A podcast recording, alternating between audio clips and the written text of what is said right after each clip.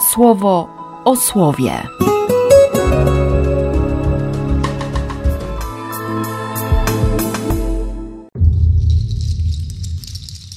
Dwudziesty szósty listopada, sobota. Anioł, który ze mną rozmawiał, pokazał mi również źródło życia, z którego tryskały kryształowo czyste wody rzeki życia. Tym źródłem jest tron Boga objawionego w Chrystusie. Wody rzeki życia płynęły środkiem głównej alei miasta. Na jej środku stało drzewo życia, które rzeka życia opływała z każdej strony. Drzewo to dawało owoce dwanaście razy w roku. W każdym miesiącu był jeden plon, zaś jego liście były świadectwem całkowitego uzdrowienia ludzkości. Żadnej ohydy grzechu pośród nich już nie było.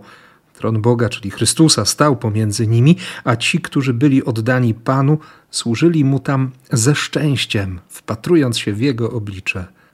Byli nimi ci, których myślenie zostało ukształtowane na wzór umysłu Chrystusowego. A ponieważ mroku tam już nie będzie, nie będą potrzebować światła lampy lub słońca, gdyż Pan, ich Bóg, będzie im wyłączną światłością. Ich królestwo nigdy się nie skończy. Potem ów anioł rzekł do mnie: Te słowa są wiarygodne i prawdziwe.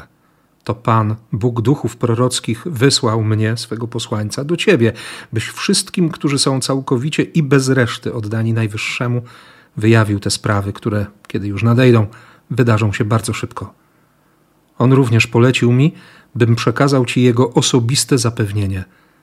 Nadejdę niespodziewanie, a wówczas prawdziwie szczęśliwy i błogosławiony okaże się każdy, kto przylgnął do przesłania proroctwa zawartego w tej księdze.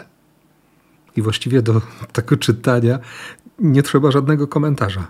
Ta radość, ta łaska, że, że nie będzie żadnego mroku, że, że nie będzie w ogóle myśli o jakiejkolwiek pokusie, o jakimkolwiek złu, że na drzewie życia już nie znajdzie się miejsce dla jakiegokolwiek węża. Będzie szczęście, będzie radość, będzie kontemplowanie oblicza Boga. I to się nigdy nie skończy, bo się to też nigdy nie znudzi, bo Bóg jest tak fascynujący. Szczęśliwy i błogosławiony, kto przylgnął do przesłania proroctwa zawartego w tej księdze. A przesłanie jest jasne. Chrystus jest zwycięzcą. Bóg naprawdę jest Panem. Potrzeba czegoś więcej. Dlatego nieprzerażające, ale nadziejne jest to, co mówi dzisiaj Jezus w tych ostatnich wersetach 21 rozdziału Ewangelii w redakcji Łukasza. Pilnujcie samych siebie, by serca wasze nie stały się ociężałe. Czuwajcie więc nieustannie, modląc się o to, byście okazali się wystarczająco silni. I Łukasz jeszcze doda, czego nie usłyszymy dzisiaj. W taki sposób Jezus nauczał codziennie na terenie świątyni. Noce zaś spędzał na górze zwanej Oliwną. Lud zaś każdego dnia, już o brzasku, zbierał się wokół niego w świątyni, by słuchać jego słowa. Oni już za niebawem przekonają się, że, że miłość mimo ukrzyżowania jest miłością życiodajną.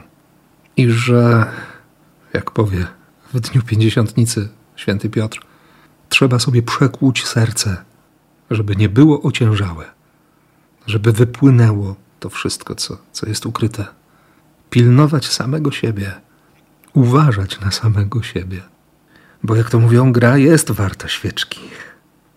Chodzi o wieczność, chodzi o szczęście, chodzi o życie, które się nigdy nie skończy. I naprawdę tego życia, tej radości, tego szczęścia życzę Ci z całego serca i błogosławię w imię Ojca i Syna i Ducha Świętego. Amen. Słowo o słowie.